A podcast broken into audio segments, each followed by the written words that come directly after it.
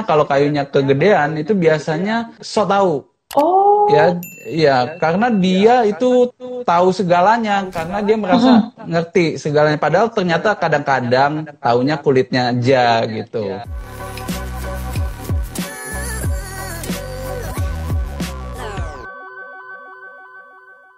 Hai, selamat sore sahabat Sonora hari Senin pukul 16 gitu ya. Pastinya adalah Sonora Feng Shui, Instagram Talk Feng Shui ini ya. Nah, kita akan membahas tentang elemen, sifat dan karakter dari tiap-tiap elemen sahabat Sonora. Karena kemarin dari Mas Kang, jadi kayak Mas Kang setiap ngasih uh, jawaban gitu ya sifat dan karakternya. Ini ini ini. Pasti dia bilang iya nih kalau elemen kayu kalau ada elemen air cocoknya kerjanya di elemen ini. Nah kan jadi penasaran elemen kayu elemen air elemen logam dan segala macamnya itu apa sih? Nah itu yang mau kita bahas satu-satu sahabat sonora itu yang mau kita kulik lebih dalam lagi. Ini elemen di sini maksudnya itu apa Kemudian pengertian dari tiap-tiap elemen itu apa ya kan? Nah jadi untuk Anda sahabat Sonora yang juga penasaran, yang juga mau konsultasi tenang aja.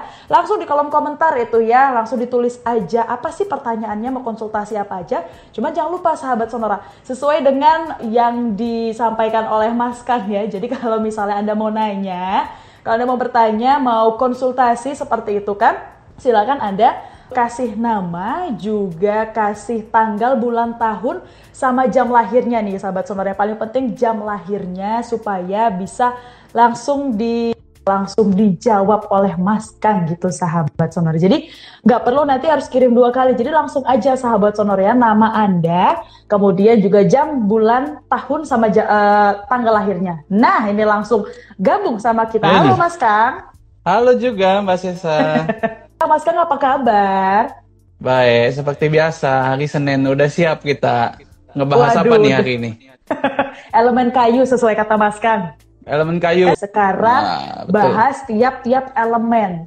Yang pertama kemarin tiap, Mas Kang titipannya, hmm, Mas Kang kan kemarin titipannya adalah mau elemen kayu dulu nih yang pertama. Cuman mungkin Mas Kang sebelum kita ke sana mungkin bisa nyamain kesepam ke, ke, nyamain pemahaman dulu kali ya ke sahabat sonora elemen ini maksudnya seperti apa gitu loh baru kita masuk ke elemen kayu oh. silakan mas kang oke okay. iya jadi udah pasti harus dijelasin dulu ya eh, kenapa hmm. sih mesti lima elemen ya karena yeah. kan di dalam fungsi itu kita mengetahui bahwa kita menghitung lima elemen tersebut karena menurut Feng Shui segala sesuatu di alam semesta itu terdiri dari lima elemen ini.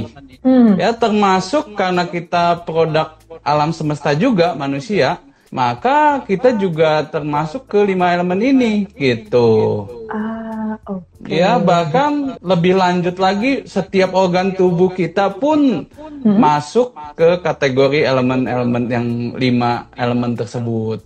Oh jadi dari gila dari diri kita juga sebenarnya Mas Kang ya balik lagi nih ke diri kita sendiri juga tuh berpengaruh juga ternyata ya makanya kenapa ada lima elemen ini ya Mas Kang ya. Iya, jadi nah. uh, ya memang kita produk alam semesta, jadi nggak hmm. luput dari hitungan uh, tersebut gitu. Hmm, nah, ini ya, kan jadi ada makanya lima... juga hmm? mulai dari kayu dulu, karena ya, nah, ya gimana, Mbak Sesa? Kena, nah ini baru mau nanya, kenapa harus kayu dulu nih Mas Kang? Iya, karena dari situ kita bisa dapat siklus ya. Yes.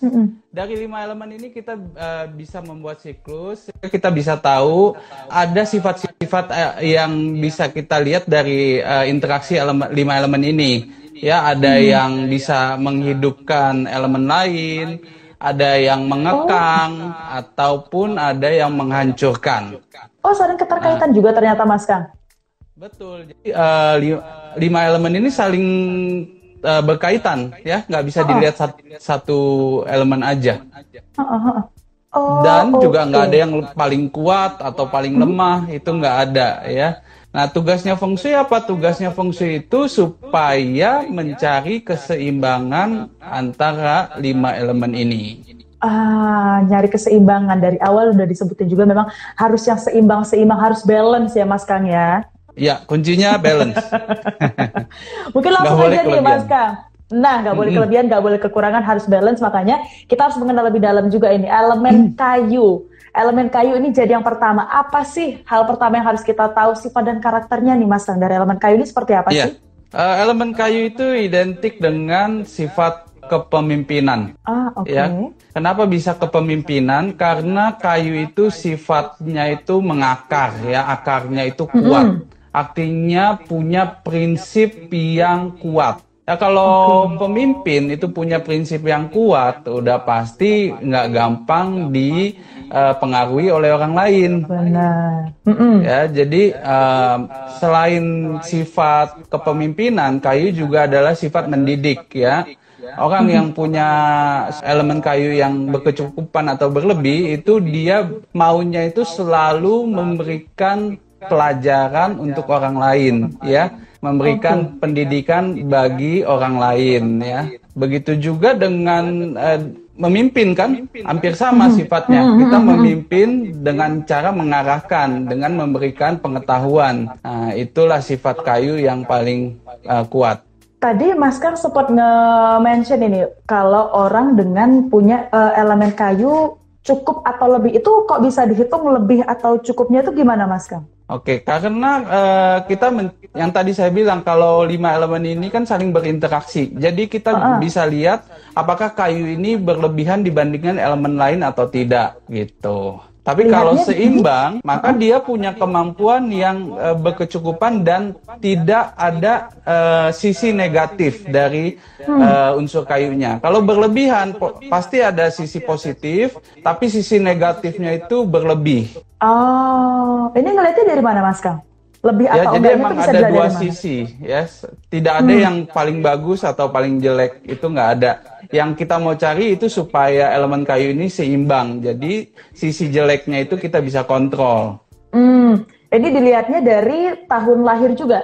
Betul dari tanggal bulan jam oh, tanggal tahun uh, seluruhnya oh. kita bisa hitung uh, baru bisa uh, ada conclusionnya ada hmm. titik akhirnya oh ini orang berlebih kayunya gitu atau hmm. kurang ya kalau dilihat dari tahunnya aja itu kayak data nggak lengkap gitu mbak ah tapi kalau satu orang ini biasa punya berapa elemen mas kang belum tentu. Ada yang oh. benar-benar kekurangan sampai tidak ada sama sekali.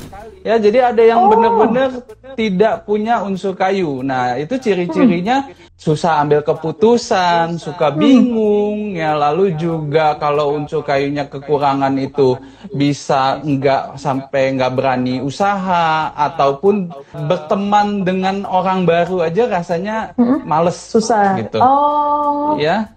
Karena apa? Karena kan tadi saya bilang balik lagi uh, sifat kayu itu uh, akarnya kuat, ya prinsipnya kuat. Nah kalau kita prinsipnya nggak kuat, kita otomatis ketemu orang baru ah takut-takut ah. Jangan-jangan nanti saya didikte dia lagi, gitu. Iya iya iya. Nah, sedangkan okay. kalau yang unsur kayunya kuat, itu dia nggak takut, dia nggak akan didikte oleh orang lain. Karena, Karena dia punya, juga kuat ya Mas Dang? Punya rootnya kuat, dia punya karakter hmm, kuat. Hmm gitu. Jadi nggak mungkin uh, bisa diombang-ambingkan sama pendapat orang lain. Ah oke. Okay. Kalau uh, kalau CEO itu kan kita kenal ada ada tiga tiga ini ya kata Mas Kang kemarin ya. Jadi kalau satu CEO ini klubnya sama ya, yang mana, segitiga klubnya sama yang betul. mana. Nah segitiga kecocokan. Kalau di elemen ini ada gitu-gitu juga nggak Mas Kang? Tidak ada. Ini kita menilai secara show pribadi aja. Oh oke, okay. berarti untuk elemen balik lagi ya keterkaitan ya tergantung dari orangnya juga seperti itu ya Mas Kang ya. Dan satu Betul. orang tergantung bahkan dia ada yang nggak punya elemen kalau kita bahas hari ini tentang kayu ada juga yang mungkin lebih dari satu nggak cuma kayu doang gitu ya Mas Kang ya. Iya, jadi mungkin ah. aja bisa kekurangannya di unsur kayu dan unsur lainnya. Jadi tugasnya hmm. kita sebagai ahli feng shui itu membalanskan elemen-elemen ini supaya hmm. uh, mereka bisa apa seimbang ya. Hmm. Selain seimbang juga jangan sampai yang bagus, yang sudah bagus jadi hilang. Uh, jangan sampai malah dihancurkan gitu. Oh. Karena kan itu saling uh, berinteraksi. Hmm, hmm. Kalau misalnya tadi karena Mas Kang bilang uh, apa bisa hilang gitu bisa sampai nggak ada atau bahkan kelebihannya akhirnya dampak negatifnya juga jadi ikut gede ya Mas Kang. Nah itu nyiasatinya gimana Mas Kang? Maksudnya ada beberapa hal tertentu kah yang bisa disiasati kalau kayak di rumah untuk feng shui rumah kalau misalnya ada kamar tidur utama di bawah tangga kan nggak boleh berarti oh udah deh pindah ke mana gitu. Nah kalau untuk elemen ini udah dari lahir udah kelihatan dia punya elemen ini, tapi kelebihan ya. itu gimana nyiasatinya? Banyak sih Mbak, banyak cara ya. Balik lagi ke hitungan pribadinya supaya nanti mm -hmm. kalau kita mau menumbuhkan satu elemen jangan sampai merusak elemen lainnya. Ya hmm. terutama di rumah kan di rumah nggak mungkin tinggal sendirian, ada papa mama, ada, ada hmm. anaknya. Nah ini kan semua elemen saling berinteraksi. Jadi kita harus lihat secara keseluruhan. Ya contohnya banyak misalnya pakai uh, akuarium atau pakai uh, warna-warna tertentu, tapi itu harus juga mempertimbangkan elemen lainnya. Oh, kita boleh uh, dengan warna-warna dengan pakai kaos tertentu dengan warna tertentu tapi juga harus ngelihat elemen lainnya ya Mas Kang ya. Balik lagi betul. aduh berbicara tentang fungsi ini berarti Hah? balance. Balance ya. Tapi uh, uh, kalau teman-teman pada mau tahu unsur kayu itu positifnya apa negatifnya apa ya itu kita masih bisa bahas Oke, okay.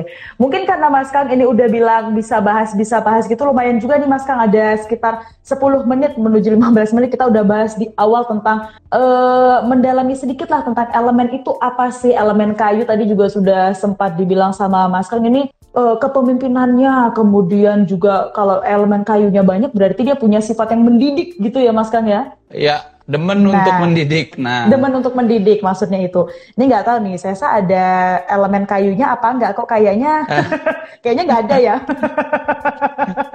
ya jadi kalau negatifnya itu kalau orang yang uh, sifat kepemimpinannya besar, mm-hmm. kalau tidak diberikan suatu kedudukan atau kekuasaan, itu dia bisa yang namanya power syndrome. Ah, oke. Okay. Ya, nanti dia merasa nggak di nggak diharapin atau nggak diandelin gitu. Benar. Ya, jadi ada sisi negatifnya dan satu lagi sisi negatifnya kalau kayunya kegedean itu biasanya so tahu. Oh. Ya, ya, karena dia itu tahu segalanya, karena dia merasa ngerti segalanya. Padahal ternyata kadang-kadang taunya kulitnya aja gitu. Sotoy aja dulu Mas Kang ya. Iya. itu aja sisi negatifnya gitu. Oh oke, okay. berarti ada sisi positif, ada sisi negatifnya. Jangan kelebihan juga, tapi jangan kekurangan juga. Jadi memang harus balance ya, sahabat Sonora. Ini yang harus di well noted banget. Jadi memang harus balance. Kalau kita ngomongin feng shui ini semuanya harus balance. Makasih Mas Kan, ketemu lagi di minggu depan. Sama-sama, sama-sama.